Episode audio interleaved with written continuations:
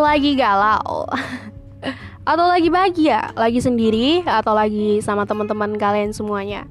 Jangan lupa dengerin podcast aku punya Saputri yang akan nemenin semua aktivitas kalian yang lagi sibuk-sibuknya, yang lagi fokus-fokusnya atau yang lagi dengan santai-santainya pastinya. Dan juga di podcast ini bakalan ada cerita-cerita menarik dan juga seru, seru yang pastinya kita bakalan ngebucin bareng dan juga bakalan sharing-sharing dong pastinya. Dan jangan lupa terus untuk dengerin podcast aku Puji Saputri.